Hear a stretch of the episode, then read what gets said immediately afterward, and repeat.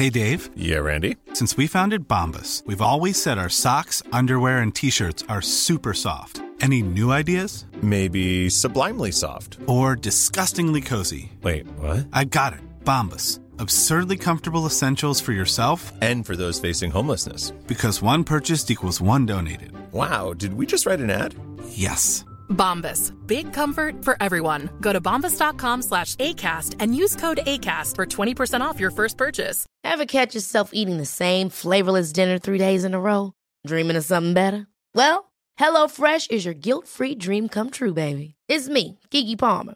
Let's wake up those taste buds with hot, juicy pecan-crusted chicken or garlic butter shrimp scampi. Mm. Hello Fresh. Stop dreaming of all the delicious possibilities and dig in at HelloFresh.com.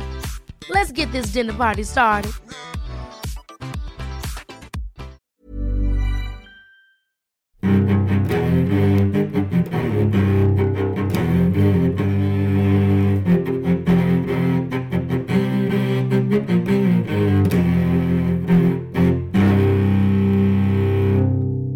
CSR-podden med Åsa Stenborg och Torbjörn Olofsson. Hej och välkomna till CSR-podden.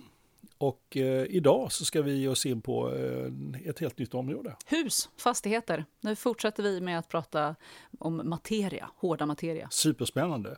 Så vi har bjudit hit idag Anna Denell som är hållbarhetschef från Vasakronan. Sveriges största fastighetsbolag får vi lära oss. Med ett gediget, vad jag uppfattar det, hållbarhetsarbete. Hej Anna och välkommen. Hej! Eh, det ryktas att du är väldigt bra på att laga italiensk mat. Ja, det kan nog faktiskt stämma. Jag har bott i Italien och eh, det. lärde mig laga mat av riktiga en- italienska nonnor och ehm, mammas. Ah, för det var en fråga nämligen om du om det var ett intresse eller om det fanns något skäl eller om det bara var familj, tre barn och att det var det som var orsaken. Att du Alltså, hade, Ja, det, det, det är nog en kombination av alla de där sakerna. ja. Italiensk mat tenderar ju att gå hem hos de flesta. vad, gjorde du särskilt i, yngre. vad gjorde du i Italien? Eh, läst italienska. Aha. Mm. Som, som också- ett litet sådär bara sidointresse. Okej. Mm. Och därav också intresse för Dolomiterna Precis. som du gärna reser till.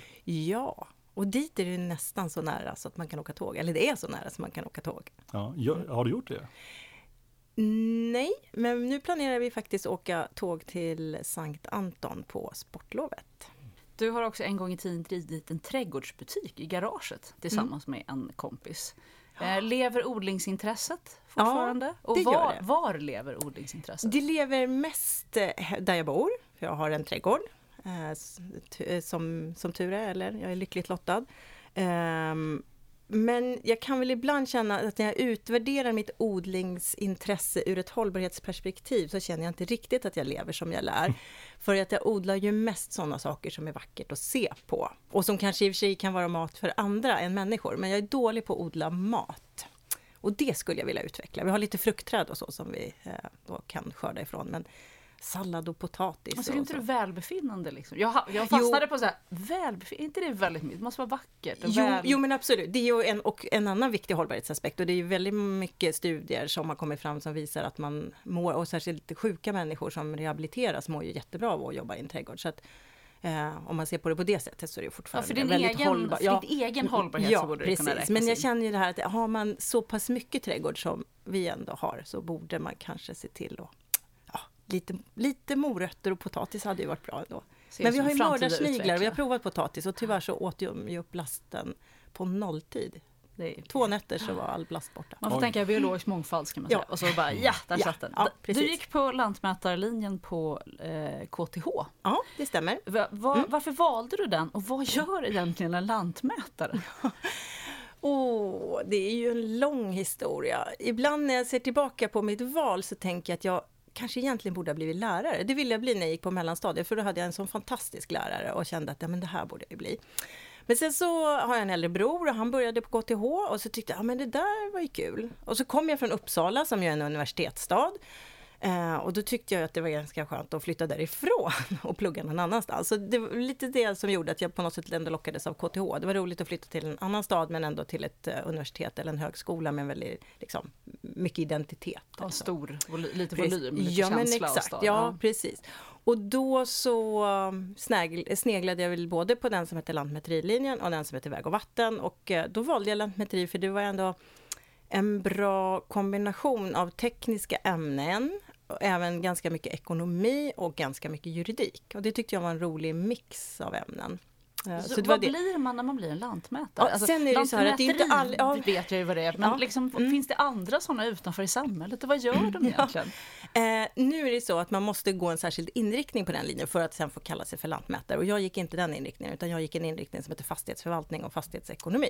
Men du jobbar ju med vad du är utbildad till. Det är ju jätteovanligt. Ja, ja, Herregud! Du är den första jag precis, träffat. ja, precis. Men annars, en lantmätare jobbar ju oftast då i, i, antingen inom den statliga myndigheten Lantmäteriverket eller på någon lokal lantmäteri, alltså som finns lokalt eh, i de olika länen. Och då jobbar man ju med olika typer av fastighetsbildningsfrågor, eh, alltså fastigheter, jord då, som den är indelad i olika fastigheter. Och vem som äger vad. Är väl också Ja, sånt där precis. som Som, där, där måste man oftast ta in en lantmätare. Det kan vara någonting i en samfällighet som inte på något sätt fungerar, man är inte överens eller mm, ja, det är någonting som behöver regleras och då behövs det en lantmätare som då kan allting om fastighetsrättsliga frågor.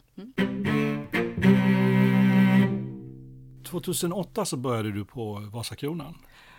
Ja, och egentligen så Där var det... fel. Ja, faktiskt.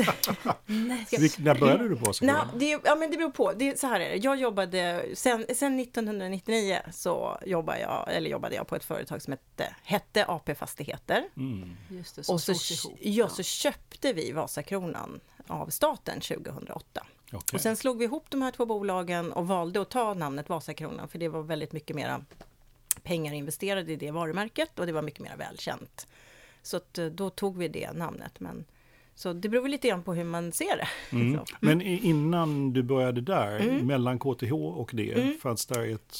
Där fanns det några andra företag. Ja, också. precis. Som jag, men det var också olika typer av fastighetsbolag. Mm. Mm. Så du rullade från KTH in i fastighetsvärlden? Ja, liksom, precis. Och nu Mm. ska vi vita lite kring vad Vasakronan är för någonting. Jag skulle Ja. liksom först göra en sån här fanfar, för det här är första gången vi pratar om ett fastighet. Nu är vi liksom på väg mot fastighetsbyggvärlden. Ja, Vi har liksom, jag har lite längtat efter det, så att det här är liksom tada, premiär. Men vi börjar mer som premiär. Du får vara ett pro- premiäroffer då.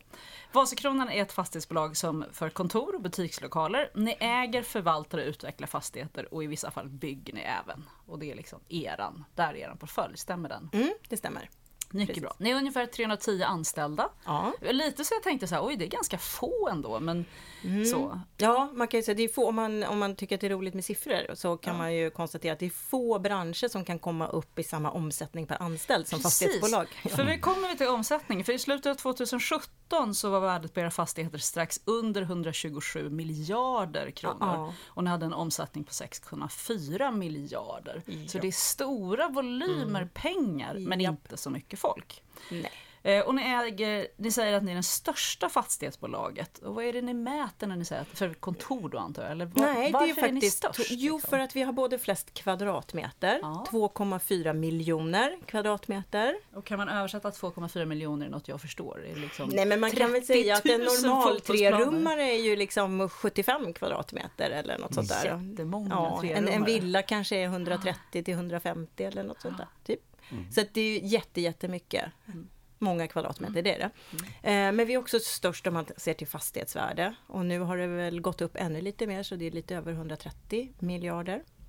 Och är det även om man jämför med de som har bostäder också? Så att ni är Ja. ett stort fastighetsbolag? Vi är ett stort Mm. fastighetsbolag. Det stö- Vi är, största vi, ja, ja, är störst i Sverige och faktiskt också ett av de största i Europa. Inte störst i Europa, men vi, alltså, trots att vi bara har fastigheter i Sverige så är det så att även om man då jämför med europeiska bolag som finns i större länder än Sverige eller också i flera länder så är det ändå så att vi är ett av de största.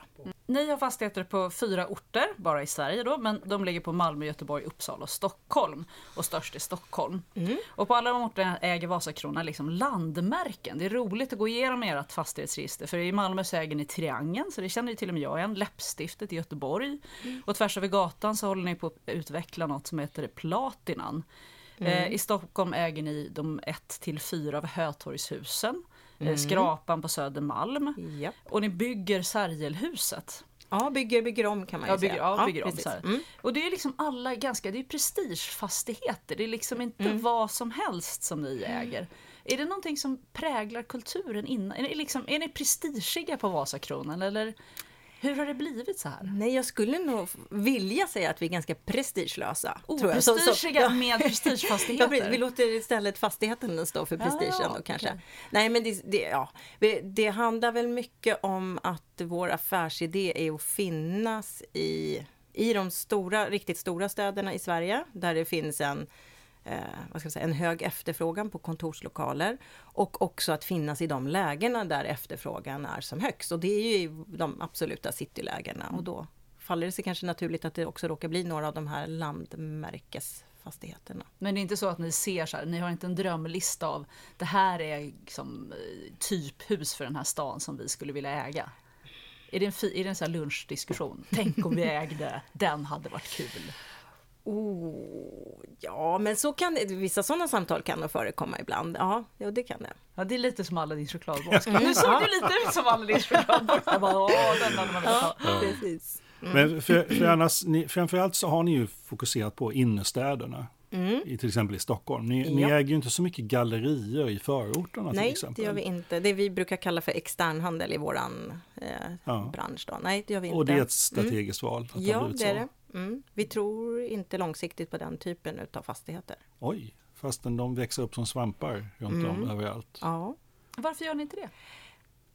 Mm, eller tror och tror, men vi tror väl kanske att eh, huvud, huvudskälet till att vi äger fastigheter är ju att avkasta pengar för våra ägare, första, andra, tredje och fjärde AP-fonderna. Och då har vi ett ansvar att se till att äga fastigheter som, som kommer avkasta bra, inte bara just nu på, på kort sikt utan på längre sikt också.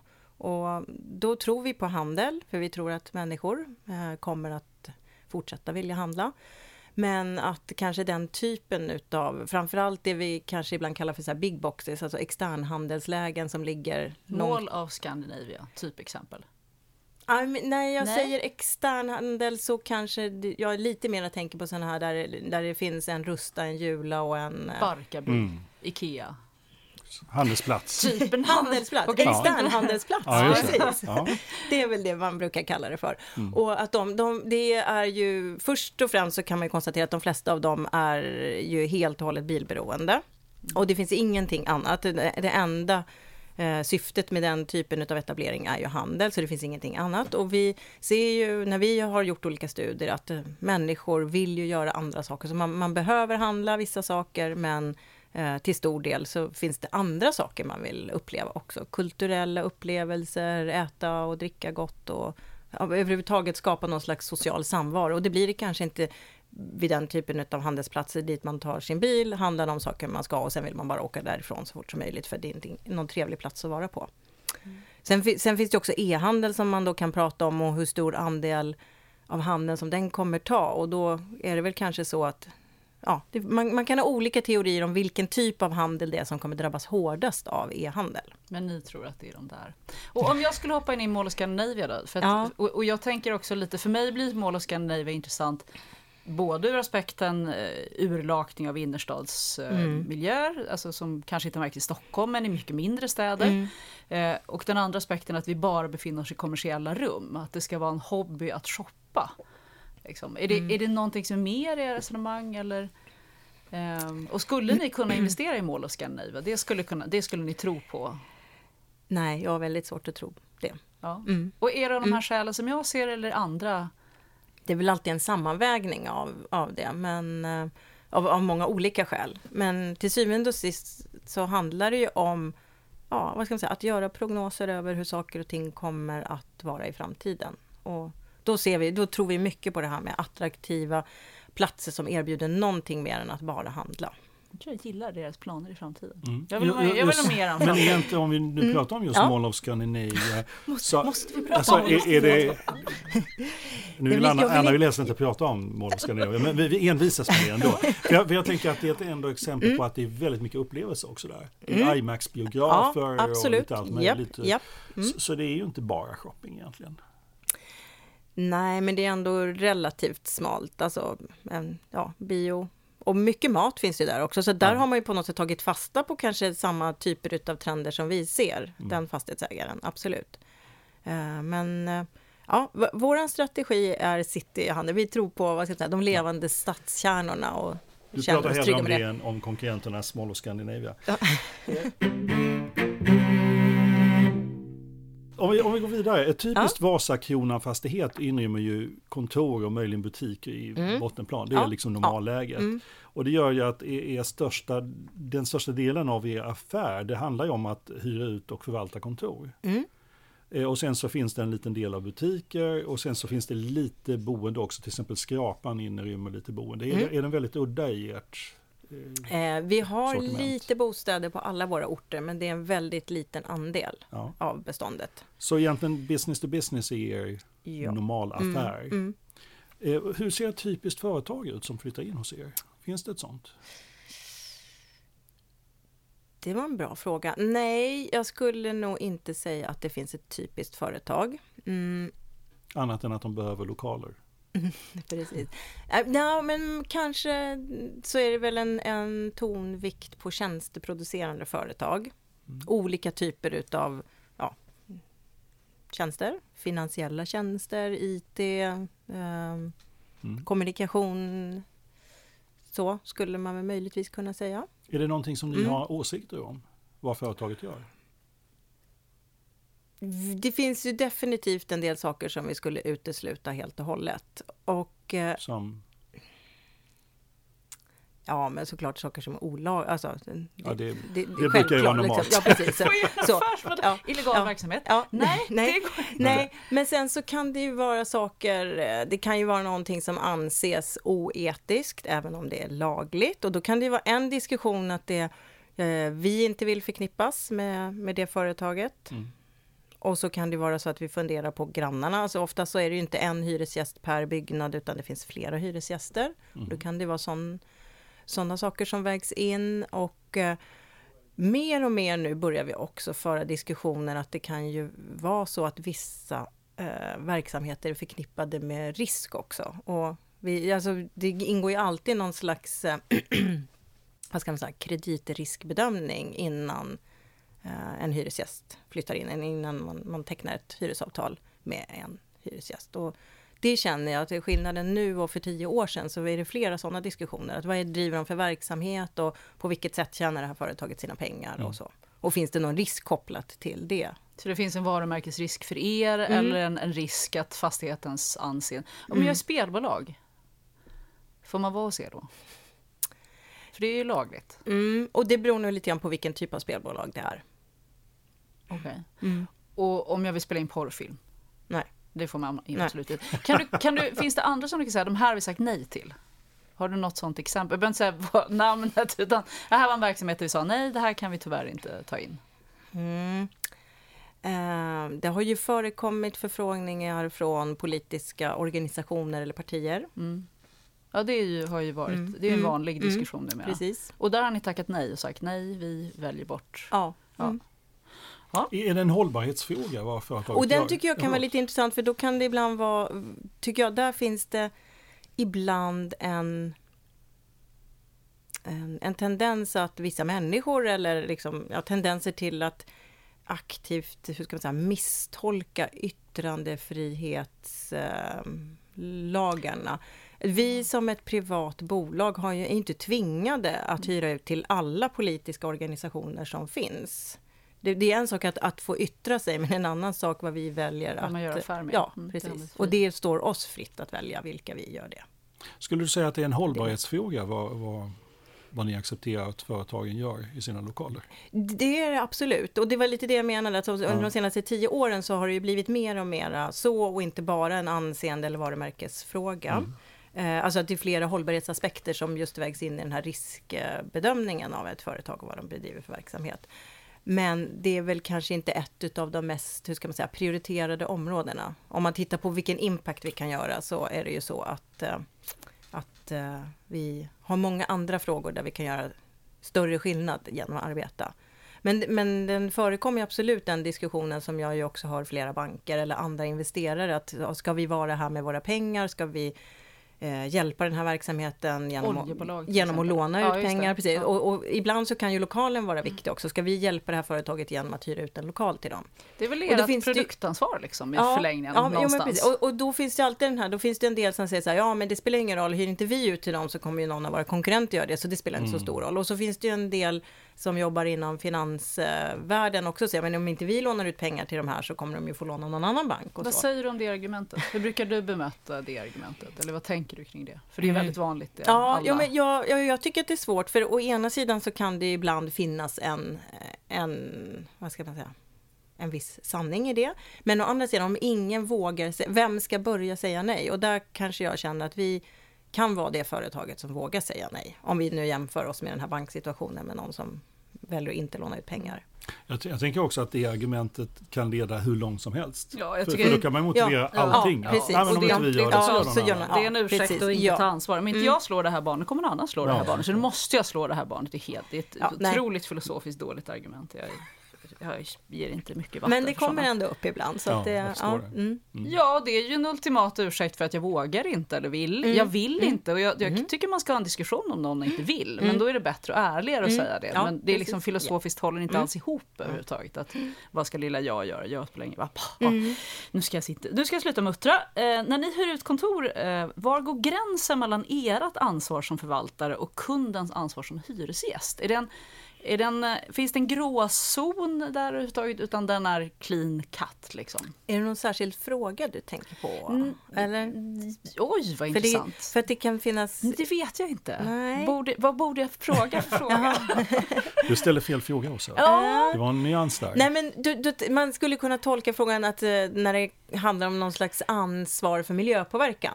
ja, alltså lite Ja. mer så. Det, Ja. det ska, jag kanske ska förklara vad jag, vad jag tänker. Jag tänker att magin uppstår, om man verkligen skulle optimera en lokal, då uppstår liksom magin när förvaltaren möter brukaren. Och den, kan man bygga den bron? Och det, var- vi, innan vi började den här intervjun så sa jag man har förvaltare för kontor och man har förvaltare för privatpersoner. Och det är ett typiskt exempel på att det måste anpassa det efter kunden. Ja. Eh, Och, och det är där jag funderar kring. För att om jag ska göra fotavtryck för ett kontor, då ligger liksom en stor bit av min miljöpåverkan, det ligger på de som förvaltar fastigheten. Så att man det, det blir någon sorts, där, liksom, hur var det vid strecket i ansvarsfördelning av kakan? Det är där jag är Ja, snurrar. bra. Eh, det var så jag trodde att du menade, men det är väl bra att kolla först Ja. innan jag börjar svara. Eh, det... Nu har jag glömt själva frågan. Ja, men var går, var går går gränsen och hur gör, och jag Eh, kan ställa nästa fråga, ja. hur gör man samarbetet för Ja. att den där magin ska uppstå? Förstår Ja. Det var den Gräns, gränsen kan man väl egentligen dra precis var man vill, Mm. tror jag. Eh, och det finns en del som kanske är bekväma och väljer att lägga väldigt mycket ansvar på, utifrån ett fastighetsägarperspektiv, och lägga väldigt mycket ansvar på kunden. Eh, vi tror väl att det bästa är att försöka se till att respektive part arbetar med de frågorna som man verkligen kan kontrollera. Energi är ju en viktig miljöfråga i byggnader och där så ser ju vi att det typiskt sett är dåligt att lägga allt ansvar på kunden. För det är väldigt få kunder som är särskilt väl insatta i hur styrsystem fungerar, hur olika typer av ventilationssystem fungerar. Det är väldigt få som kan överhuvudtaget fundera, liksom, har någon kunskap om hur en roterande värmeväxlare ser ut, till exempel, om man är kund. Nu kände jag mig helt blank. Mm. Jag är en Ja, bra kund. så. Ja, Ja, precis. Ja, så. typ kund. Och då tänker vi som fastighetsägare, men det där är ju bra om vi ser till att ta ansvar för.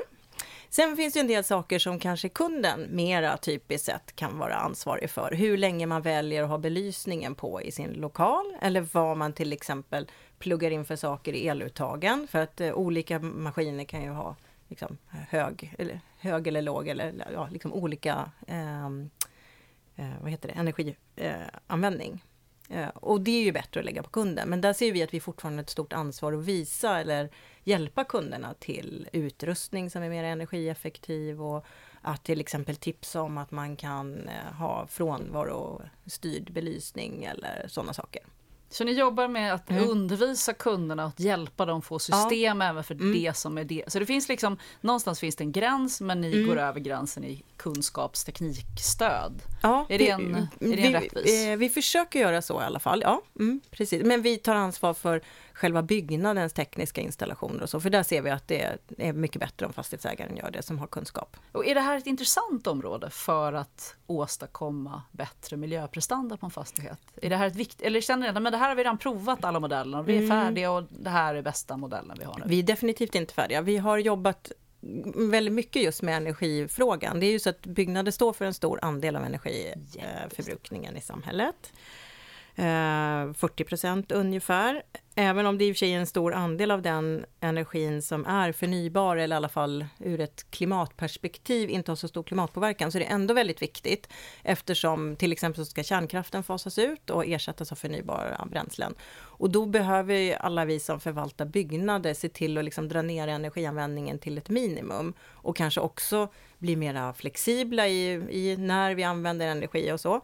Eh, men det är kanske eh, en senare fråga, vi kan prata mer om sen. Men, men i alla fall, liksom, alla måste hjälpas åt att minska energianvändning och då är det finns många lågt hängande frukter i byggnader. Och 2009 så satte vi ett väldigt utmanande energisparmål för hela verksamheten och det var att vi skulle bli dubbelt så bra som alla andra eller vår energianvändning skulle ligga på bara 50 procent av snittet i branschen. Och det var väldigt utmanande men det var också bra för det mm, skapade en enorm kreativitet i hela organisationen och eh, massor med förslag på åtgärder kom fram. Och flera av sakerna kostade ju såklart pengar att genomföra men vi kan också konstatera nu när vi har mer än halverat energianvändningen i våra eh, fastigheter att vi har en snitt pay-off-tid på energiinvesteringar som ligger på under två år. Det är, Så det är oftast väldigt lönsamt. det är inte ens lång Nej. kalkyltid. Nej, nej, nej, nej. det är jätte eh, lönsamt faktiskt. Och, men eh, du, du frågade om liksom, finns det mer att göra Mm. eller så. Och det gör det, för nu är vårt, liksom, det nya målet nu är att vi ska halvera energianvändningen en gång till.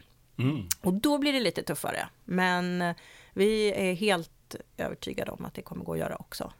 Är det någonting man jublar över i organisationen? Jippi, nu ska vi halvera en gång till. Alltså, Jag kan säga, jag ska vara helt uppriktig och säga att när, när vi satte det, det första energisparmålet så var det inte jubel. Absolut inte. Det var ganska mycket muttrande och ibland till och med mer än mutter. Men det som var lite roligt då var att man ja ah, men herregud, det är helt orealistiskt eller det går ju aldrig. Ja, alltså ska man klara det, då måste vi ju göra det här och det här och det här och det här. Och, och Så det blir konstruktiv kritik liksom? verkligen? Ja, det var ju det som var så häftigt. Och så gjorde vi det här, det här, det här, det här. Och då, bland annat en sak var ju så här, men då kan vi inte ha såna här hyresavtal som vi har nu. Eh, där vi inte samverkar med kunderna. Och då, så det var en av anledningarna till att vi började teckna något som vi kallade för gröna hyresavtal. Med särskilda överenskommelser om bland annat energi. Att eh, vi och kunden ska göra det man kan för att minska energianvändningen. Och så. Om vi pratar trender, i, i matvärlden så har ju omsättningen av ekomärkt mat och ve- vegotrenden är väldigt stark. Eh, finns det motsvarande trender på kontor? Ja, det skulle väl vara i sånt fall miljöcertifierade byggnader. Eh, och kanske det här med gröna hyresavtal också. Eh, det var väl en trend som började kanske någonstans ja, runt 2008, 2009 eller någonting sånt där. Som inte är inhemsk, den har vi importerat från andra eh, länder eh, där man hade jobbat med att miljöcertifiera byggnader långt innan dess. Eh, och nu skulle jag väl säga att eh, det finns ingen som bygger ett kontorshus, inte på de marknaden där vi är idag i alla fall, utan att miljöcertifiera det. De flesta hyresgäster ställer krav på att byggnaderna ska vara miljöcertifierade. Mm. Det, alltså man ställer ju massa olika krav när man ska hyra en lokal, att det ska vara nära tunnelbanan eller Mm. lokaltrafik och det ska helst finnas restauranger i närheten och gärna ett gym i huset och ja, Och- och cykel, att- att- sådär. Och, och, och längst ner på den här listan står oftast miljöcertifierat Det gör också. det. Mm. Längst ner på Ja. listan. Ja, eller Ja, jag någonstans fattar. på Ja, listan. Ja. Nej, men jag är fascinerad ändå att det överhuvudtaget finns med på listan. Ja. För jag trodde faktiskt inte att kunder efterfrågade det så mycket. Jo, det är absolut. Mm. Finns det andra saker som kunder efterfrågar som har seglat upp? Alltså vad frågar kunder efter 2018 som de inte har gjort tidigare? Eh, coworking. Man vill hyra kontor men man vill också att det ska finnas coworking-arenor i närheten. I alla fall här i Stockholmsmarknaden. Ja, även på våra andra orter. Förklara vad en coworking Jo, arena är. ja, det är ju då att ehm, ehm, det finns... Det behöver inte vara exakt i anslutning till din egen lokal, men man vill att det ska finnas i närheten. Eh, det är ett utrymme där man vad ska säga, inte hyr ett eget rum eller en egen lokal, utan man betalar för att få nyttja den ytan. Och sen så finns det bra wifi och så finns det kaffe och så finns det soffor och det finns skrivbord och det finns alla möjliga ställen man kan sitta och jobba på. Och man är där och jobbar med andra människor. Och varför vill de att det ska finnas en sån? Är det deras, var, vad ska de med det till? Om man ska... Eh, jo, men det kan vara många olika skäl att man vill ha sånt. Ett skäl kan vara att man, det finns en tendens i många branscher att man jobbar med fler och fler nomads, alltså egenkonsulter som kommer in och gör jobb och inte är fast anställda. det är jag. Ja, just det. Eh, och då känns det väl kanske, eftersom hyresnivåerna också börjar närma sig ganska höga nivåer på flera ställen i Sverige, så kanske man tycker att det känns konstigt, eller dumt ur ett finansiellt perspektiv, att då ha en massa utrymme som man inte använder 100% av tiden. Så då hyr man så mycket som man tycker att man vet att man behöver alltid och sen så toppar man upp med eh, att då ha sådana här eh, ytor också. Och en annan trend är ju aktivitetsbaserade kontor, att man då har då är det kanske fortfarande inom det egna företaget, men att man inte har några egna arbetsplatser, utan det finns ett antal arbetsplatser som man som medarbetare fritt väljer. Som man får fritt jaga runt och försöka hitta. Ja, ja, men precis. Många säger just sådär, jaga, men jag tycker, vi har ju hyrt ut till många företag som har valt den lösningen. Och eh, om, om medarbetarna behöver jaga, då har man ju kanske lite grann närmat sig den frågan utifrån fel perspektiv. Kanske bara med att försöka få ner antalet kvadratmeter. Man har underdimensionerat det. Ja, men precis. Ja. Har, har ni Mm. själva aktivitetsbaserat? Det har vi. ni. Sen, Hur, hur sen mer än sex år tillbaka. tycker du det funkar bra? Jag tycker att det funkar fantastiskt bra. Jag kan inte tänka mig, att- jag kan inte förstå varför man väljer en annan lösning. Du byter arbetsplats varje dag i stort sett, eller alltså Mm. skrivbord? Ja. Men jag är ju också ganska sällan på liksom, fysiskt. Om jag hade haft ett eget skrivbord så skulle jag ju ha skämts för det. Ja, För för du att det varit där. Mm, nej, väldigt sällan i alla du fall. låter lite bitter nu. Nej, nej, nej, nej, nej. Alltså, jag, Vi får ja. en liten ton av din så här, jaha, ja, så du nej, nej, nej, nej. Alltså, jag, jag bara tänker, jag har ett skrivbord, jag vet var jag hör Ja. hemma någonstans. Men, och, Åsa, du har ju också jobbat i, i, på flera företag Ja, där ni har absolut, haft aktivitet. Så absolut, tycker du det absolut. funkar? Nej men alltså, jag ska faktiskt säga en, en aspekt innan jag säger hur det funkar. Alltså, jag, det är ju verkligen, det, mi- miljömässigt så är ju antal kvadratmeter per anställd, det är ju ett, ett, ett fiffigt sätt att eh, få lägre miljöbelastning. Absolut. Och det är också ett av de där jätteklockrena ekonomiska incitamenten. Ja. Och nu återstår diskussionen, är det då bra för människan egentligen? Så vi Ja. kan ju säga från miljön, pling pling pling, jättebra i kassan, optimalt utnyttja en resurs, det tycker vi är bra. Japp. Men funkar det för alla människor? Jag ska säga, ja, för mig som konsult, där det mycket, även om man jobbar inuti en organisation och man är hållbarhetsansvarig, då är man mycket på möten och du pratar med folk. Och det är ju, då behöver man inte ett tomt bord. Nej. Men sen är ju problemet det här vanedjuret och att bara liksom vilja ha ett jäkligt stökigt eh, skrivbord, det gillar jag också. Så att, nej, Ja, är det behöver inte vara stökigt, en del Nej, har det perfektionistiska. Ja, skrivbord men- också. Men jag upplever ju liksom att det är väldigt olika hur mottagliga folk är för den här typen av aktivitetsbaserad miljö. En del går ändå alltid till exakt sitt här skrivbord och blir otroligt upprörda om någon skulle råka sitta där.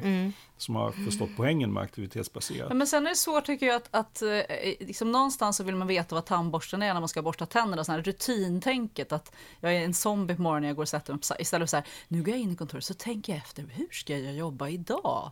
Alltså att man måste vara så oerhört planerade sina, ja idag ska jag sitta tyst rum, idag ska jag sitta i grupp. Istället för att bara, jag vet var jag har tandborsten, nu ska jag sätta mig. Alltså, Det motverkar ju rutin och när rutinen uppstår så blir det ett problem för då blir jag det där invanda tråkmonstret som alla tittar snett på. Så det är så, jag tror inte, jag, vi har inte nått modellen där rutinvarelserna får hitta sin tandborste riktigt än. Eller så har, jag vet inte. Vad säger, nu har vi babblat sönder det här Ja. Bra. ja, men det var många intressanta saker här. Eh, ett så är det klart att det kan ju finnas vissa människor som har arbeten där ett eget rum eller ett eget skrivbord är absolut det bästa. Så det här är ju kanske inte så här one size fits all, men jag skulle, om man får generalisera lite grann så skulle jag vilja säga att de flesta företag har en ganska stor andel medarbetare där en sån här kontorslösning är alldeles utmärkt. Men sen så definitivt tandborste, alltså det, det finns ju människor som inte alls mår bra av det här. Men det jag tänker då är att jag tror inte att det har alltid med själva kontorslösningen att göra. Jag tror att det kan vara, antingen finns det, är det hos individen i sig, där det kanske är en rädsla för att inte räcka till. Man vet inte riktigt om, om liksom, presterar jag tillräckligt bra? Och då vill man gärna, då känner man sig mera trygg om man vet att man har chefen bredvid så chefen ser hur hårt jag jobbar. Mm. Det kan också vara ett bristande ledarskap. Det kan vara chefer som inte alls klarar av att ge medarbetarna den, liksom, eh, hur ska man säga, eh, skönjbara friheten det innebär att man själv sätter sig, eller liksom man, man arbetar där man själv tycker att arbetet funkar bäst. Så jag tror att det krävs ett ganska moget både medarbetarskap och ledarskap för att den här lokallösningen som vi pratar om ska passa bra. Eh, och, och, då kan det vara fel att ge sig på en sån och slänga in liksom en omogen organisation, en organisation som inte riktigt har den, det ledarskapet ännu i en sån lokallösning. Då tror jag oftast att det kan. Och det är kanske då man hör historier om folk som jagar platser eller medarbetare som mår illa för att de tycker att de inte får den rutinen i vardagen som de behöver och så. Så då landar vi i liksom lokalkontorsutformningen i förhållande till ledarskapet i organisationen. Mm. Det är, ja. väldigt, det är en ja. intressant koppling. Eller man måste balansera ja. en, en, alternativ modell. Eller, jo, men, jo, men jag måste testa. Mm. Liksom, mm. Jag är ju grundfostrad på Ericsson, det antal kvadratmeter rum du hade var prestige. Och hade yep. du ett hörnrum mm. så var du riktigt mm. kung. Mm. Och hade man parkettgolv då satt man och satt långt upp i huset, då var man king of the hill. Liksom. Vi har ju det, många av oss har ju någonstans det arvet och då mm. blir den här, de tog till och med mitt skrivbord, det är ju en mm. prestige. Ja. Så att vi Som jag hade arbetat så länge för att ja, ja, jag skulle ju ja. från ja. rum till bord. Och, och mm. när vi liksom släpper den kulturen helt och hållet, ja. då kanske man istället kan personanpassa och säga så här, behöver du ett rum? Ja men bra, då har vi ett, då har vi ett plats för dig här, du kan få ett rum. För vi mm. förstår att människor är olika. Och vad vill du ha? Du vill ha ett skrivbord? Ja men då går det bra. Och du kan åka, ja. Alltså att vi på något sätt har gjort vi har gått all in på en modell med en gammal kultur där det är prestige mm. att ha fast mm. och så ska mm. alla göra likadant. Istället mm. för, det är lite som skolan, liksom. vi mm. måste individanpassa men idag ligger prestigearvet som, och förstör lite av individanpassningen. Jo men det tror jag, därför tror jag att en organisation som tänker att man ska gå in i en sån här lösning bör ju, jag, jag har ju hört historier om sådana då företag där man säger så jo men det, här, det, här, det gäller alla men inte ledningen. Nej, ledningen ska nej. sitta på våning 10 i sina gamla rum eller något, då funkar det ju inte. Mm. Utan det måste ju vara lika för alla. Och jag tycker att det, jag, jag, jag tvärtom tycker att det är fantastiskt bra att den här typen av symbolik försvinner ifrån lokalen. Och det, det du ska mätas på är ju vad du presterar och inte vad du en gång gjorde så att du hamnade i ett hörnrum. Det är ju jätte... Men alla som har haft ett hörnrum ser tillbaka med nostalgi på det. I fall, nej, det gör jag inte. Jag har haft det och jag vill okay, inte ha det. Ja, jag ser tillbaka ja, till mitt hörrum. Nej, men det var tycker, fint. Men absolut, jag tycker det är jätteviktigt att du lyfter det. Det finns ju definitivt en social aspekt som man behöver jobba med. Men jag, jag kan inte nog understryka att du är helt korrekt i ditt resonemang eh, beträffande resurser och miljö. Vi har gjort beräkningar som visar på att de flesta kontorshus nyttjas ungefär 10% av tiden. Det är nästan som bilen. Ja, och det, det älskar ju alla att hata. Ja, hur, ja exakt. Ja. Varför hatar vi inte kontoren Nej, då? men precis. Men det är jättedåligt för dig om vi hatar kontoren. Nej, vi tror faktiskt så här, ja, ja, ah, vad ska vi göra nu? Nej, men vi tror ju att vi kan bli mera framgångsrika genom att hjälpa våra kunder att nyttja lokalerna på ett bättre sätt. Mm. Och Eh, det här har ju med, med flera saker, det är ingen avancerad beräkning, den kan alla göra, för det handlar om hur många helgdagar och hur många nätter och liksom hur många timmar man faktiskt är på jobbet. Och att man oftast faktiskt inte sitter på sin arbetsplats, men man jobbar ju och gör andra saker. Man sitter i möten som du nämnde, det är väl liksom det mest klassiska. Och sen när man dessutom, man vobbar som ni vet, man sitter hemma och jobbar för att man passar några sjuka småttingar samtidigt eller någonting sånt där. Och det gör ju att eh, 10 procent om man tittar på hela, liksom hela dygnet och hela året. Men även om man tittar på den tiden som man förväntas vara på arbetsplatsen så är det få av våra kunder där vi har gjort undersökningar som kommer upp i över 50 procents nyttjandegrad. Eh, och därför så, så, tycker ju jag själv att det här är en jätteviktig fråga. Men såklart måste man ju fundera på individen när man då eventuellt eh, stuvar om lite grann. Men en annan tendens, eller en trend på det området, är ju att vi ser fler och fler av våra kunder som kommer till oss och frågar om tips och råd och om vi kan hjälpa dem att eh, så att, och förenkla för dem att dela med sig av sina lokaler. Man, vill gärna, man tycker att det känns ganska dumt att man har en jättefin konferensanläggning med massa bra rum som står tomma efter halv fem, för då är det ingen som har möten längre. Och så säger man så här, men skulle vi inte kunna låna ut det här till något liksom vettigt ändamål i samhället? Någon studiecirkel eller läxläsning eller någonting sånt där. Och gör folk det också? Ja men det är ju faktiskt, det, det händer. Ja, det händer. Ja, för något sätt, om man liksom mm. börjar tala om brukshus istället Ja. och slutar prata om kontor. Utan Ja. vi säger, Mm. Ja. det, ska vara, Mm. det ska vara tänt, äh, tänt är inte bra om det är elförbrukning, men det förstår jag, men det ska användas dygnet om. Mm. Och, och så börjar man fantisera utifrån det, då får man ju helt andra... Precis. Fast om man tittar på det ur ett livscykelperspektiv så är det så att de hus som ändå är byggda är det ju bättre att vi använder så mycket som möjligt, även om det innebär att vi har lamporna på så att det blir lite mer energianvändning. Men vi faktiskt. skulle inte behöva bygga nytt då i alla fall. Det hade varit nej. fiffigt. Nej, men det brukar vi ibland säga halvt på skämt och halvt på allvar, att vi behöver inte bygga en enda kvadratmeter till i det här landet. Alla kvadratmeter som behövs finns förmodligen, det är bara det att eh, de är felallokerade. Man skulle behöva liksom Skaka om och bygga precis, upp. kasta upp allt i luften och liksom skaka om och så, trilla ner. Så. Ja, men jag tänker ändå... Och med tanke på byggande, vilken enorm miljöpåverkan det är, Ja. så är det ju en fråga vi absolut liksom på samhällsnivå borde jobba mycket mera med. Ever catch yourself eating the same flavorless dinner three days in a row? Dreaming of something better? Well, HelloFresh is your guilt-free dream come true, baby. It's me, Kiki Palmer. Let's wake up those taste buds with hot, juicy pecan-crusted chicken or garlic butter shrimp scampi. Mm. Hello Fresh. Stop dreaming of all the delicious possibilities and dig in at HelloFresh.com. Let's get this dinner party started.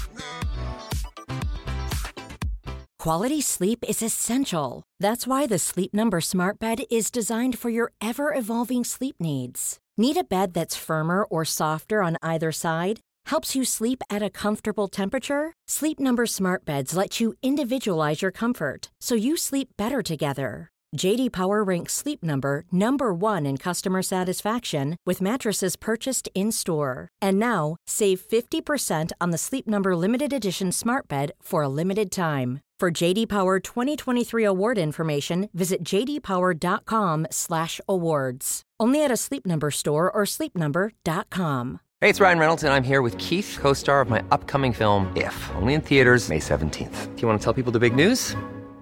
All right, I'll do it. Sign up now and you'll get unlimited for $15 a month in six months of Paramount Plus Essential Plan on us. Mintmobile.com slash switch. Upfront payment of $45 equivalent to $15 per month. Unlimited over 40 gigabytes per month. Face lower speeds. Videos at 480p. Active Mint customers by 531.24 get six months of Paramount Plus Essential Plan. Auto renews after six months. Offer ends May 31st, 2024. Separate Paramount Plus registration required. Terms and conditions apply if rated PG.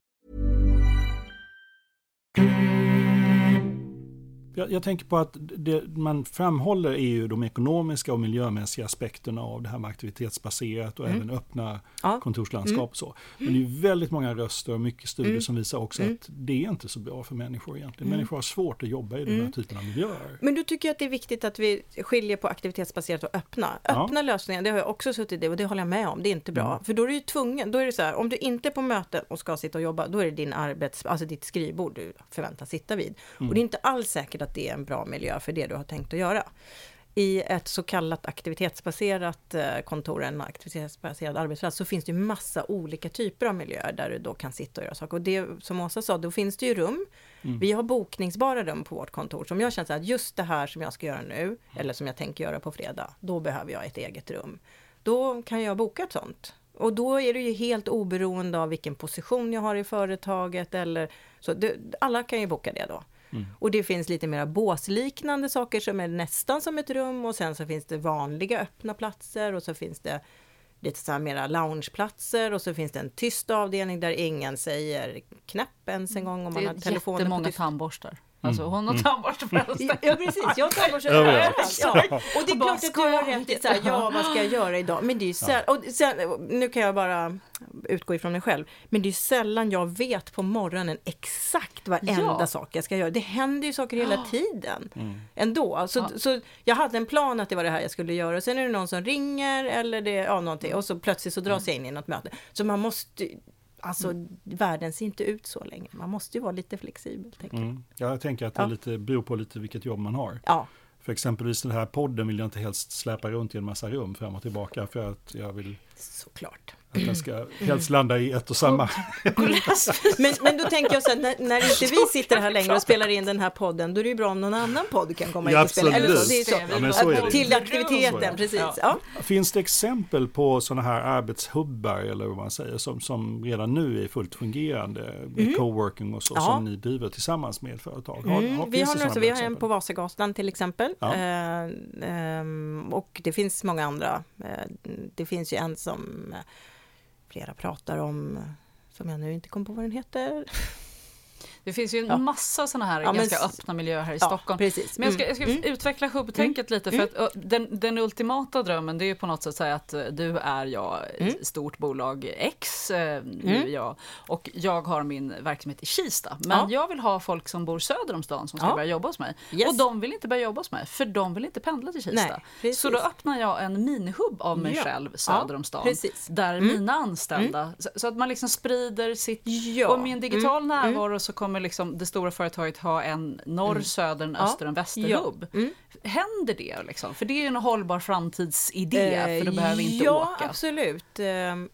Eh, det- Alltså tendenser till det i alla fall, att man ser att man vill ha någon hubb där och någon hubb där. Och så Finns det något företag som har det som, man skulle, som du skulle säga, det här, det här företaget är innovativt, Nej, men jag vet ett företag som är hyresgäst hos oss, där är den ena delen hos oss. Då har de ett lite mindre centralt läge med, där tror jag inte att det är några egna rum, eller, utan det är liksom en plats dit man kan komma, man Just kan det. sitta där och jobba, men då är det nog lite loungeaktigt. Sen har de ett stort kontor utanför stan. det. Får vi berätta vilka de är? Vi tycker de är duktiga. De är duktiga, Ja, så då ja. kan vi berätta vilka de är, tänker jag. Du får skryta med dem om du vill. Ja, men det är KPMG. Ja, just det. Ja, men det är precis. spännande. Ja. Ja. Eh, och, och det är väl lite den tanken, att då finns det. ett stort och rymligt eh, kontor lite utanför stan, där, Mm. ja, där det finns mycket plats, och så finns det en mindre yta inne i stan, eh, där det, ja, kanske då liksom per person blir Mm. väldigt mycket mindre yta.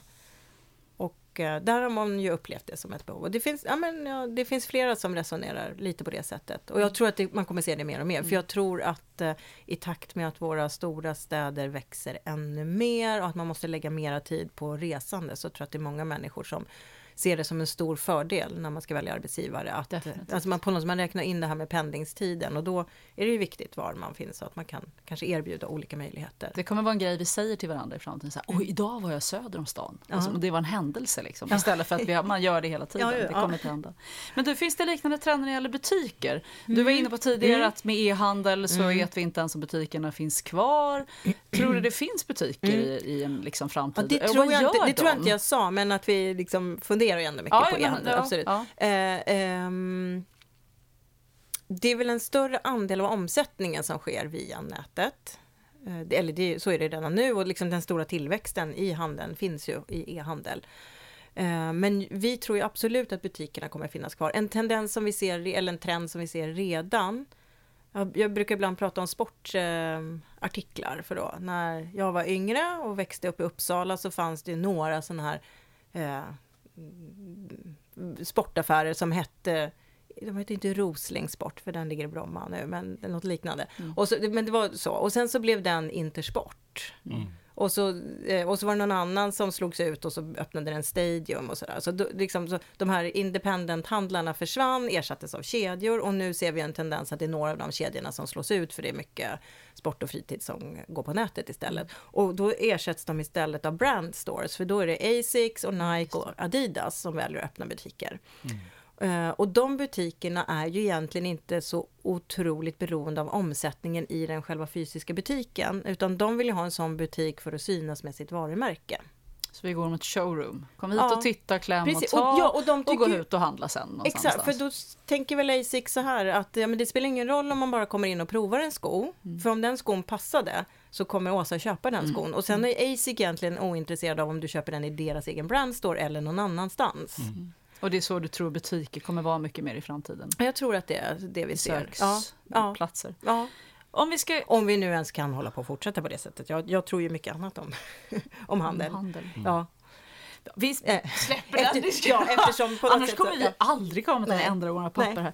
Men ehm, om vi klättrar innanför skalet på Vasakronan, hur, hur är hållbarhetsarbetet organiserat? Var i Mm. organisationen sitter du och sitter du i en liten klump Mm. med andra och hur Mm. många är de i så fall? Ja, men för det första så brukar jag ibland göra en retorisk poäng av att säga att vi har inget hållbarhetsarbete, Mm. utan vi vill driva vår verksamhet på ett hållbart sätt. Och det är också ett väldigt tydligt krav från våra ägare. Det är klart att de förväntar sig en väldigt hög avkastning, eh, men inte på bekostnad av människor eller miljö. Så på något sätt så är det inbyggt i hela våran affär, att vi måste arbeta hållbart.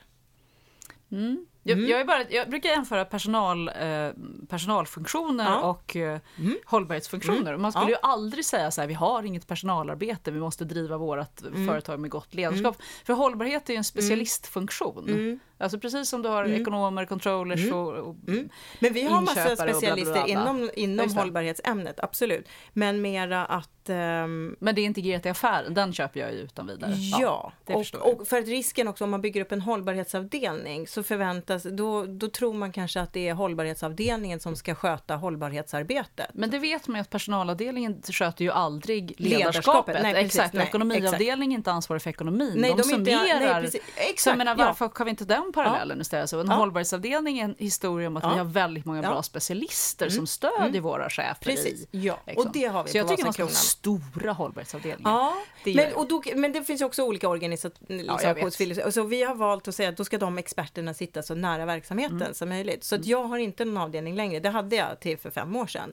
Men nu så är de personer, alltså de som vi fortfarande har som är experter, de är, ja, sitter liksom på lite olika ställen rent organisatoriskt. Och det är mer tidvatten, för vissa gånger ska man delegerade organisationer, ibland ska man centralisera. Ja, Så men man det- säger, och det är matris och det är så- ja, exakt. ja, men ex- så, men ja, det är fortfarande, det, men om, då får se, om vi ändå tittar på dig som spindeln i nätet Mm. Ja. för specialisterna, hur många specialister har du ute då?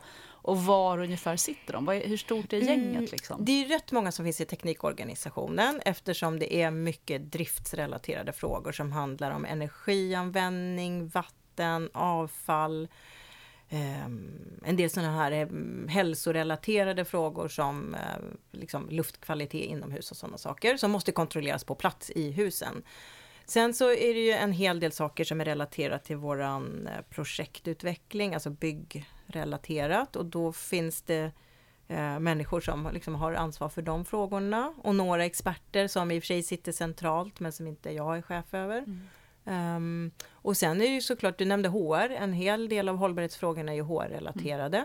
Eh, en del saker eh, har våran jurist, för då är det governance-frågor, kanske compliance-frågor som ligger på våran juridikavdelning. Och så mycket är ju också, alltså som handlar om rapportering har vi då eh, valt att lägga upp det på så sätt att det är en av våra controllers som har varit finansiell controller som numera har ett stort hållbarhets eh, controlling-ansvar också. Som sitter kvar hos ekonomiavdelningen. Ja, precis. Och det tycker jag är, det, det är en enorm styrka för hon tittar på de här frågorna på, med liksom det finansiella perspektivet som hon har och hanterar ju materian på samma sätt som man hanterar finansiell information. Mm. Och det tycker jag är jättebra för att eh, tidigare så, om man då tar exemplet energistatistik eller energiuppföljning, så fanns det någon som sa, åh nej, oh, den här mätaren hade vi glömt, oj vänta, vänta, kan vi få två dagar till på oss, för nu, och, och det här blev fel och sådär. Men där är mer så här, nej men nu stänger vi böckerna, det, liksom, det är den här dagen vi stänger böckerna, det är de siffrorna vi har, vi vet att det inte kommer vara 100% rätt, det är inte de finansiella siffrorna heller. Aldrig. Men de är rättvisande och man håller på och reserverar och man, ja så här.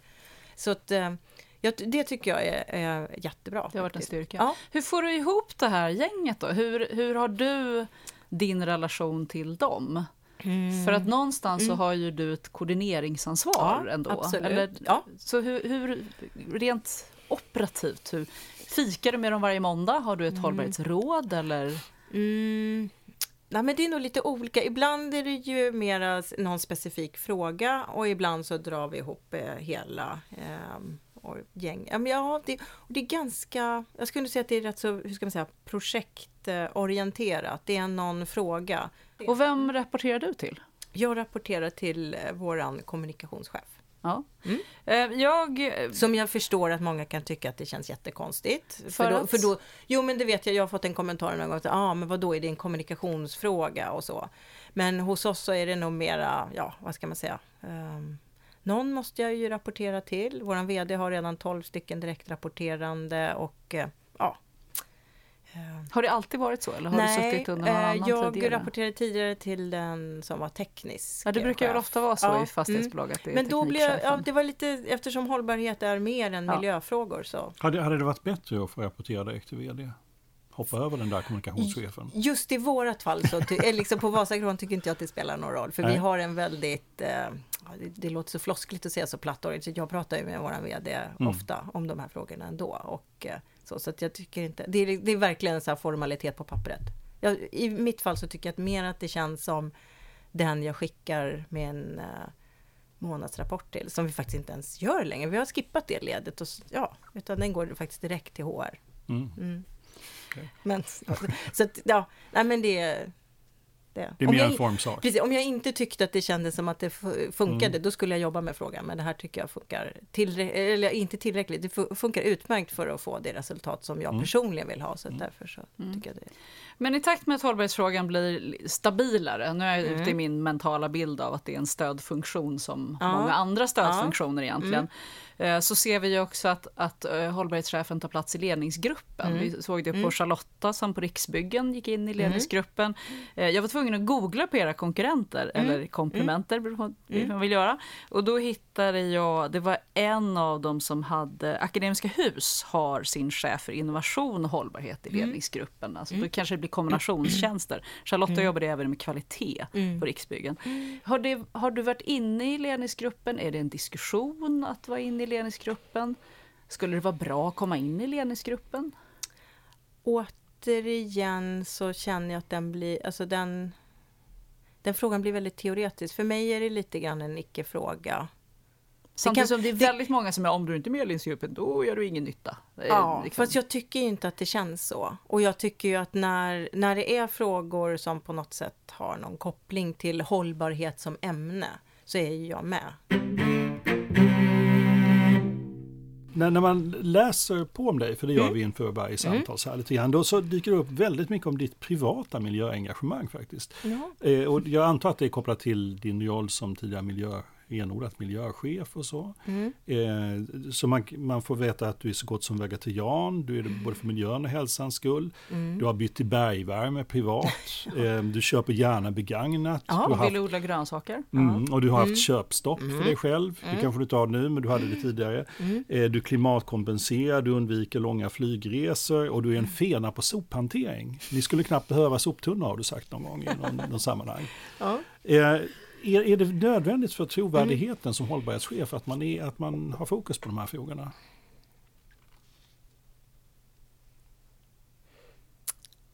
Åh, vilken bra fråga. Jag har nog aldrig tänkt, jag, jag har aldrig känt det som att det är ett ok, någonting jag måste göra. Utan jag, jag, alla de här sakerna som du nämnde gör ju jag för att jag vill. Mm. Eh, och jag tror att det oavsett vad man jobbar med för fråga så tror jag att det är viktigt att försöka leva som man lär. Men hade du varit mindre trovärdig om du hade gillat blodiga biffar och snabba sportbilar? Sannolikt ja. Men det... Ja, jag tycker Ja. det är en, en intressant Mm, fråga att mm. reflektera Ja, ja, men omkring det- hur mycket det egna Mm, engagemanget ska mm, stå Mm. måttstock för yrkesrollen. Ja. Ja, ja men absolut. Men, men jag, är ju, jag är ju väldigt engagerad i framförallt klimatfrågan. För jag anser att det är en ödesfråga för, inte för planeten, den kommer klara sig, Mm. men för oss människor. Och framförallt inte vi som lever just nu och är över 40 kanske. Vi kommer nog klara oss med eh, blotta förskräckelsen, men har man barn eller barnbarn så, så kan inte jag förstå att man inte är engagerad i den frågan.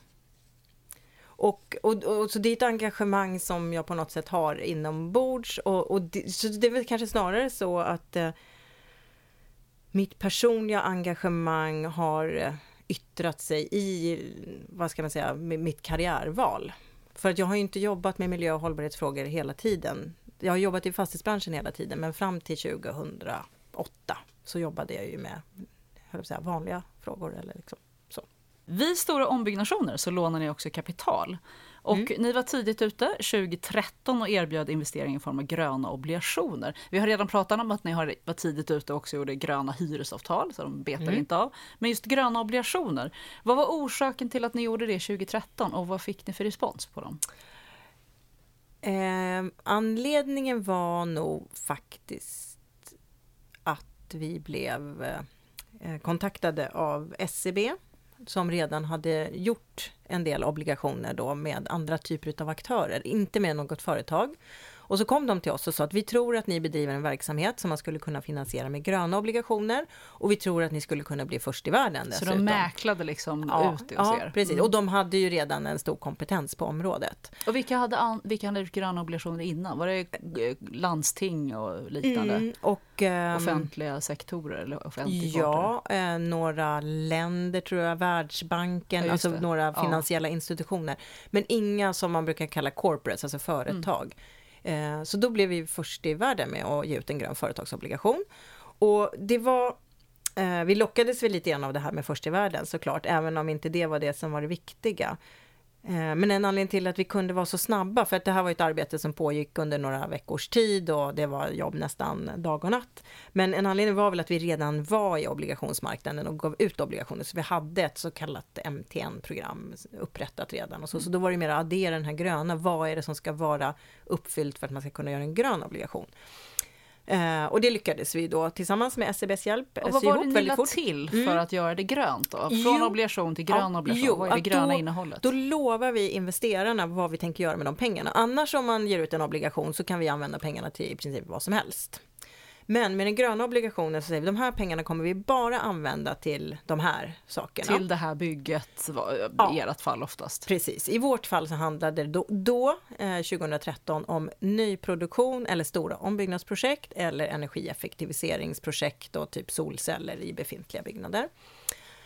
Eh, och det förväntas en transparent, att vi verkligen ska kunna visa att pengarna har gått till det, man ska ha dem på ett öronmärkt konto så, så att det verkligen separeras från alla andra pengar som vi har. Eh, och att det förvä- en förväntan också om att vi ska kunna återrapportera att nu har vi byggt det här huset och då har det den här energiprestandan och det gick åt så här mycket material och det är miljöcertifierat enligt det här systemet och med det här betyget. Och det är ju som sagt var en skillnad mot vanliga obligationer för då får vi använda pengarna till precis vad vi vill. Mm. Vad fick ni för respons när ni kom ut 2013? Eh, det var en överväldigande respons, skulle jag vilja säga, så nu så här med facit i hand.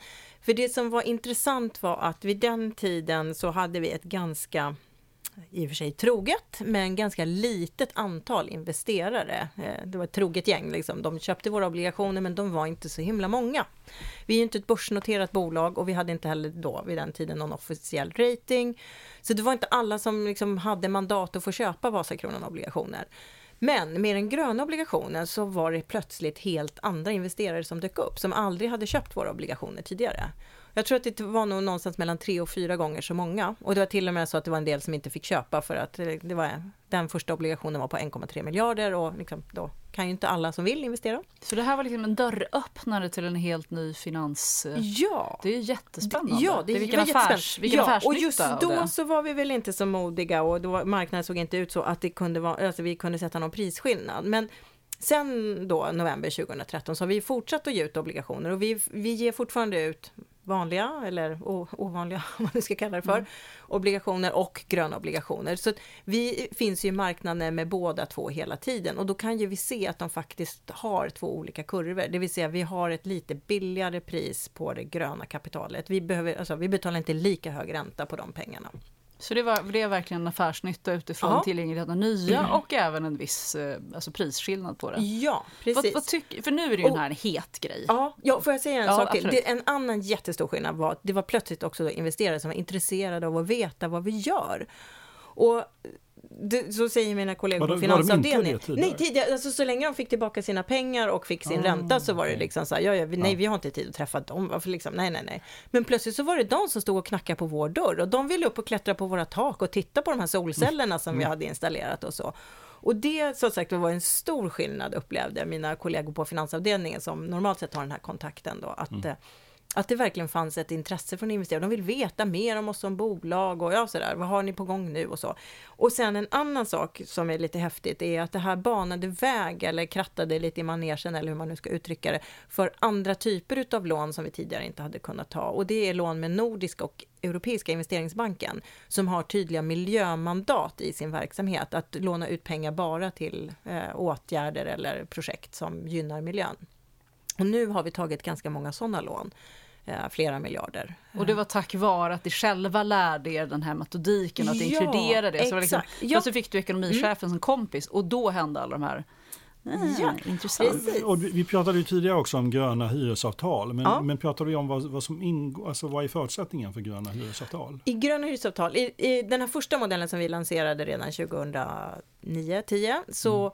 var det väl tre huvudfrågor och det var att gemensamt arbeta tillsammans, hyresvärd och hyresgäst, om att minska energianvändningen och att vi hittar också e-, ekonomiska incitament så att den som eventuellt kan göra en investering och gör den också då ska få den ekonomiska payoffen. För ibland så finns det låsningar i hyresavtalen som förhindrar att sådana investeringar sker och det är väldigt olyckligt. Och dessutom så vi hade redan sedan tidigare frivilligt gått över till 100% förnybar eller klimatneutral energi med de kontrakten som vi har med energileverantörer. Men då så fanns det också ett krav på att hyresgästen, i den mån hyresgästen har ett eget elabonnemang, också skulle köpa eh, förnybar energi. Sen handlar det om avfall, att vi förbinder oss att se till att det finns ett bra källsorteringsrum, men då förbinder sig också hyresgästen att faktiskt sortera avfallet, för så är inte alltid fallet. Eh, och den tredje handlade om material och då är det ju framförallt då att se till att fasa ut farliga ämnen som kan finnas i byggmaterial. Oftast är det vi som bygger om och hanterar den frågan och tar ansvar för den. Men det händer att våra hyresgäster bygger om själva. Och då är det oerhört viktigt både för deras egen hälsa, alltså personalens hälsa, men också för oss som ansvarar för hela byggnaden, att man ser till att inte använda material som innehåller några farliga ämnen eller har andra ogynnsamma miljöegenskaper. Och ni var ju först med de här gröna Mm. hyresavtalen, men sen har det spritt sig ut. Ja, över marknaden. 2012 så kom eh, Fastighetsägarna Sverige ut med en branschmall så att nu kan alla hyresgäster, oavsett vil- vilken hyresvärd man har, Mm. fråga efter ett sånt och så kan man då teckna ett sånt. Har innehållet i dem förändrats någonting? Eller är det samma ungefär som när det lanserades? Mm. För nu finns det nya möjligheter, kanske Mm. andra områden som blir Ja. lite intressantare. Absolut, jag, jag tror det är en tendens eh, till att de växer och sen så kan, kanske det var lite grann att de återigen smalnades av för det blev lite sådär ehm, det bästa blev det godas fin. Det blev så många saker i hyresavtalet så till slut så var den gröna bilagan fem gånger så lång som Ja, just det. Standardavtalet. Ja, Okej. och man behöver kanske inte reglera varenda sak med cykelställ och Nej. så. Det är viktigt att man får in de här sakerna som kanske har en finansiell effekt och där det finns, där det liksom verkligen är viktigt att man har av, liksom, Det som med tidigare varit ett hinder, tänker jag, att man ska Mm. undanröja, liksom, att det är Mm. de man behöver hi- hitta. Mm. Där, man, Ja, precis. som det, Mm. som det är liksom, där har skon Exakt. klämt Ja, och så, nu tar vi precis. bort klämmet. Ja. Ni var alltså först på gröna obligationer, eh, tack Mm. vare andra, men ändå, Ja. ni fick vara först. Ja. Och ni var först på gröna hyresavtal. Vad tänker ni vara först på snart? kan vi få en nyhet? Vi har redan blivit först med en annan sak, en, en annan sak inom finansområdet som är gröna certifikat. Som Okej. i och för sig liknar obligationer men det är ändå en annan typ av finansiellt eh, Är det klimatkompensation i gröna Nej, certifikat? nej, utan det? är, det är ett annat sätt att låna upp pengar i Okej. kapitalmarknaden Mm. men Mm. som skiljer sig lite grann från en obligation. Men vad ska ni Men- vara först med snart? Mm. Nästa, vad är nästa nyhet? Kan vi inte få släppa en nyhet? Jo, nej men det är väl kanske faktiskt då, det är en fråga som vi jobbar jättemycket med nu och som jag tycker är oerhört viktigt, det är klimatpåverkan från byggprocessen. Eh, Eftersom vi, bygger, vi har en ganska stor projektutvecklingsportfölj, det är många miljarder vi har tänkt investera i det och då är det viktigt att kunna göra det med så låg klimatpåverkan som möjligt.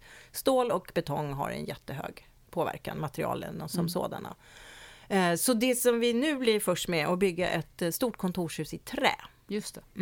Mm. Det byggs ju mycket i trä, framförallt småhus och det har också byggts ganska mycket flerbostadshus i trä de senaste åren i Sverige med en ganska ny teknik som heter KL, korslimmat trä, som gör att man kan få liksom, önskvärda konstruktionsegenskaper i träet. Att det inte går sönder helt enkelt. Ja, man kan egentligen. bygga liksom större och flera våningar än vad man kan göra när man bygger lösvirkesträ. Eh, Var, ska, var ligger det huset? det här huset kommer ligga i Uppsala och vi kommer byggstarta det i år 2019. ja. Precis så det vid är, resecentrum. Ja, det är nytt. det är det det är coolt. nya, Det det är är 13, tu- 13 000 kvadratmeter i trä. Ja. Mm. Vi, vi hade Elin eh, på besök, Elin från Cradlenet häromdagen. Och då satt jag och muttrade supersurt över att jag tycker byggindustrin inte förstår cirkulär ekonomi överhuvudtaget. Eh, för att jag påstod att det är noll procent, i ett nybyggt hus är det Mm. noll procent som egentligen kommer från en liksom, cirkulär källa. Nej, Återbrukat 2%. material. 2 procent, Ja, okej. det- men- Kolla, det nu fick vi sakkunskap. Ja. Så blev det Ja, mycket det, bättre. det, det, Och vad är de där 2 procenten? Våran sektor är skrämmande. Jag tycker att du har helt rätt att vi har kommit, eh, inte alls... får inte säga så här, jag får vatten på min kvar. Det är Ja, inte alls bra nej, för mig. Nej, men jag tycker det är bra, för vi behöver fatta det.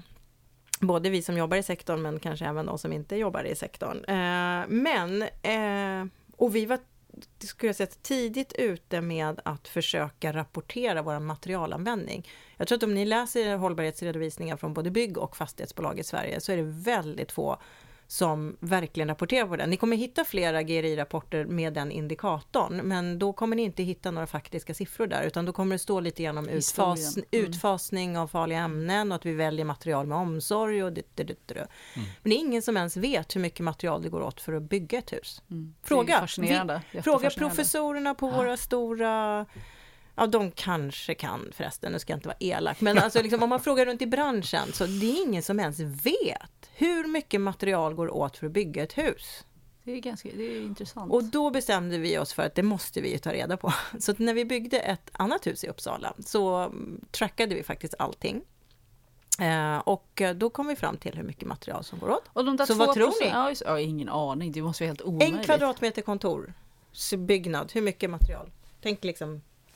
Och det måste, Procent. finns det normalt? Nej, kan man liksom, kilo eller Ja, ton det. eller vad, Okej. väl, vilken enhet du vill i vikt. Men, och, och borde man liksom, gram. måste man lista så här, cement, eh, Ja, stål? sen gjorde vi det också. Precis. Det. då, vad var det för någonting? var det förnybart, icke förnybart och liksom Ja, så. så. berätta nu för oss istället. Håll oss inte på halsen. Det går åt mer än ett ton material Ja, för en per- för kvadratmeter. en kvadratmeter. Och eh, eh, nu ska vi se här då, om jag kommer ihåg siffrorna. Om man inte gör det så kan man gå in och titta på vår hemsida, för där ligger den här rapporten, så kan man fördjupa sig själv och få de exakta siffrorna. Men jag tror att det var 1018 kilo Mm. per kvadratmeter kontor. Och det var endast 2% som kom från förnybar källa. Och vad, vilka var de två procenten? För jag hävdade att det var dörrhandtag och typ en lampa någonstans Ja, men dörrhandtagen är ju oftast en metall. Ja, ja Så då det är den åtgjuten liksom. Ja, ja, du tänker så att det var, ja, för det Ja. beror på vad man, hur man definierar cirkulär. För det, vi mätte både om det var förnybart eller icke Just förnybart. det, ja. Sen mätte vi också hur stor andel av materialet som kom från återvunnen eller återbrukad Just det. källa. Eh, och det var 8 procent. Och där kan det vara lite, lite metall, alltså och som kan vara återvunnet. Men de här 2 procenten, det var ju lite trä, invändig liksom, träinredning då. Och det blir ju lite så här, bygger man ett betonghus, betong är väldigt tungt, Ja. så 75-80 procent av vikten är ju stommen, alltså liksom bjälklagen och pelarna som bär upp huset. Hur ska vi få snurr på det här då? För det satt vi också Mm. och diskuterade med Elin. Hur får vi snurr så att byggbranschen på liksom kraft stiger in i cirkulär ekonomi? Ja, jag tror, det finns ju lyckligtvis nu en del initiativ som har tagits senaste år. Dels så är det ju färdplansarbetet som i och för sig är fokus på klimat, men i och med klimatfokuset så kommer det också eh, få bäring på cirkularitet. Eh, sen finns det även, och färdplanen är ett arbete i fossilfritt Sverige, det är många branscher och sektorer som har tagit fram sådana. Sen så har det ju också kommit ett nytt eh, förs- lagförslag om klimatdeklaration för byggnader. Jag tycker väl kanske inte att förslaget är tipptopp, men det är en bit på väg. Eh, Och min, min största vad ska man säga, obstacle med det är väl att den här deklarationen ska lämnas in när, när huset är färdigbyggt. Och då finns det ju säkert en del aktörer som inte gör den förrän det är färdigbyggt och då har man ju lite svårt att ändra till exempel och komma på i efterhand det, att man borde ha byggt i trä för ja. att det har mycket lägre klimatpåverkan än betong. Och man bygger kanske inte varje vecka så att det är dumt att ta åt sig. Ja. Ja, precis. Men, men det är ju lovvärt initiativ ändå. Ehm, så, eh, det tror jag eh, är två saker som ändå kommer göra att eh, våran sektor kanske blir lite mer upplyst. Och blir vi mer upplysta då kanske det också är så att det kommer mer action. Men vi jobbar ju också mycket med återbruk av byggmaterial. Eftersom det handlar inte bara om att bygga nya hus utan när man hyr ut kontor och butiker så är det dessutom så att det är ganska snabb föryngringstakt på inredningen.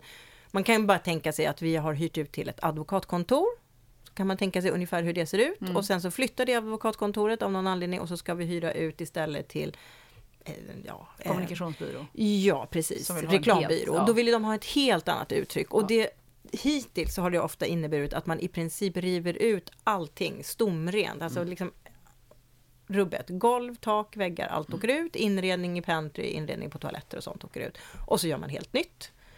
Eh, Men där försöker vi nu jobba med lite mera vad ska man säga, generella lösningar som ska kunna passa många och så får man skapa den här identiteten lite mer med den lösa inredningen och att i den, i den mån det ändå blir ombyggnationer att vi försöker jobba med återbruk av material. För det är sällan det här materialet åker ut för att det är tekniskt uttjänt eller för att parketten är utsliten. Det är bara det att det, reklambyrån vill inte ha parkett utan de vill ha någonting annat. Och mellanlagrar ni då eller kan ni köpa på den öppna marknaden? För det är ju Vi- också ett ja, av problemen, att precis. det finns Ja. ingen marknad Nej, för det här materialet. Fråga. Nej, vi försöker vara med och istället skapa en stor marknad och eh, ska, liksom skapa en, dels en digital eh, marknadsplats så att, där vi både kan köpa och sälja. Och ibland kanske vi väljer att sälja till en aktör som lagerhåller, ibland kan vi, vi skulle kunna sälja direkt till någon annan aktör som ska använda det direkt och så.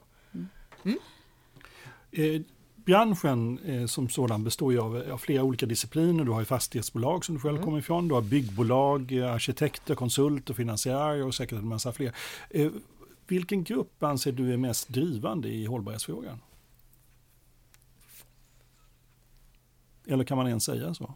Mm, nej. Dum fråga. Hamnar det på individnivå istället? Eller Nej men, jag, nej men så här är det väl. Jag tycker att det finns ju några byggbolag som har kommit väldigt långt. Mm. Jag tror att om man lyssnar på vad de säger så säger de att ja men vi kan ju inte riktigt driva frågan utan vi jobbar ju med det som våra beställare. Alltså, Vilket i, byggbolag skulle du peka på? Vi får vara snälla här. vi får vara snälla. Ja, Ja, men då tycker absolut. jag att Skanska är duktiga. Ja. De har kommit långt. De har många lösningar på viktiga utmaningar som finns. Men det är klart att det spelar ingen roll om de har det, om deras beställare inte beställer det. Men där försöker ju vi vara liksom en duktig byggherre eller en duktig då beställare av byggtjänster genom att eh, då försöka, vad ska man säga, ställa högsta krav eh, hela tiden. Eh, konsulter, men lite samma sak, det finns ju otroligt duktiga konsulter, men de ritar ju det som deras beställare beställer. Mm. Så jag tror de som är viktigast är nog ändå, för om man pratar liksom bygg och fastighetssektorn, det är nog byggherrarna, alltså den som beställer eh, ett hus, bestämmer hur det ska se ut och, och bestämmer liksom vem, vem som ska få bygga det och så. Men, men är det någon av grupperna som skulle kunna uppfattas som mest motsträviga i processen? De som är trögast i omställningen? Är det arkitekterna eller är det fastighetsbolaget? Nej, jag tror att det är så här, det finns nog inom alla de här del eh, mm, eller vad man ska säga, delarna av sektorn så finns det bakåtsträvare och eh, de som ligger i framkant. Och kombinerar vi de, de som ligger i framkant inom alla de här delarna så ser vi ju fantastiska exempel på vad det går att åstadkomma. Men sen finns det ju en del bakåtsträvare också. Eh, anta att du fick ett trollspö. Mm. Och eh, du, i trollspöet så finns det bara en önskan. Mm. Och den önskan måste handla om att åstadkomma en radikal förändring i fastighets och byggbranschen. Den där liksom radikala förändringen som vi pratar om, där det bara säger poff och så hoppar man liksom inte bara tre steg fram utan liksom 30 steg framåt. Vad hade du önskat då? Med ditt trollspö? Mm. Det var inte meningen att det skulle vara en lätt fråga. Nej, det här var en väldigt svår fråga. Anledningen till att jag blir så ambivalent är att det finns ju två saker, två oerhört viktiga frågor när vi pratar bygg och fastighet. För det finns ju en del aktörer som faktiskt aldrig bygger någonting nytt. Man förvaltar bara en stor portfölj med befintliga byggnader.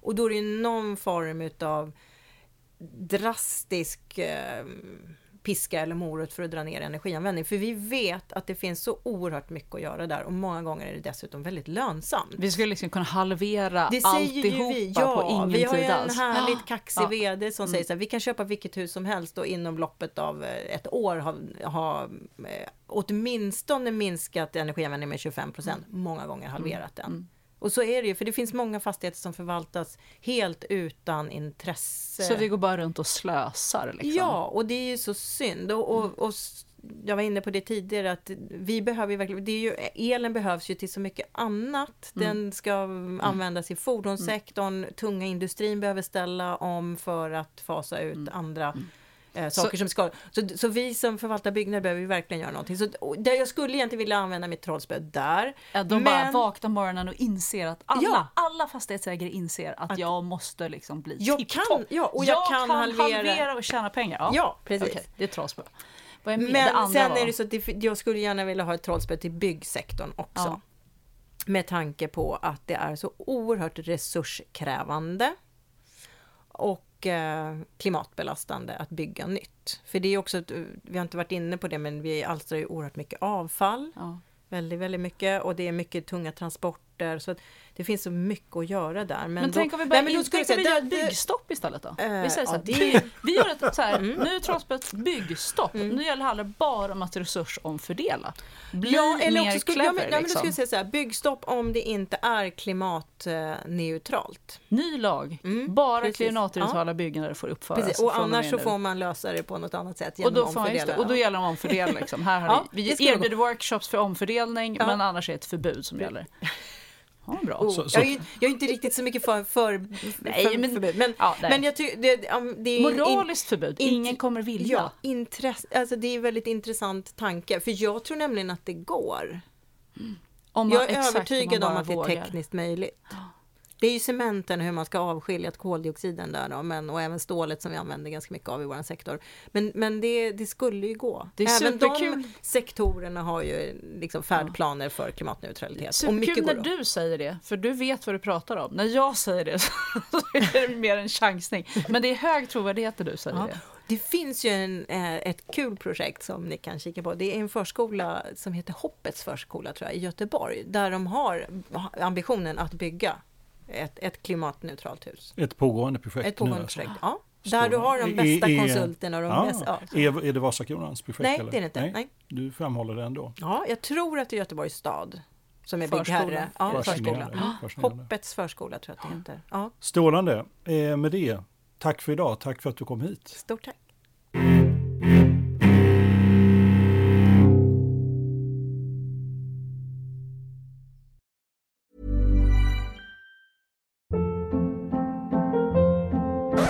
Hold up. What was that? Boring. No flavor. That was as bad as those leftovers you ate all week. Kiki Palmer here, and it's time to say hello to something fresh and guilt-free. Hello Fresh. Jazz up dinner with pecan-crusted chicken or garlic butter shrimp scampi. Now that's music to my mouth. Hello Fresh. Let's get this dinner party started. Discover all the delicious possibilities at hellofresh.com.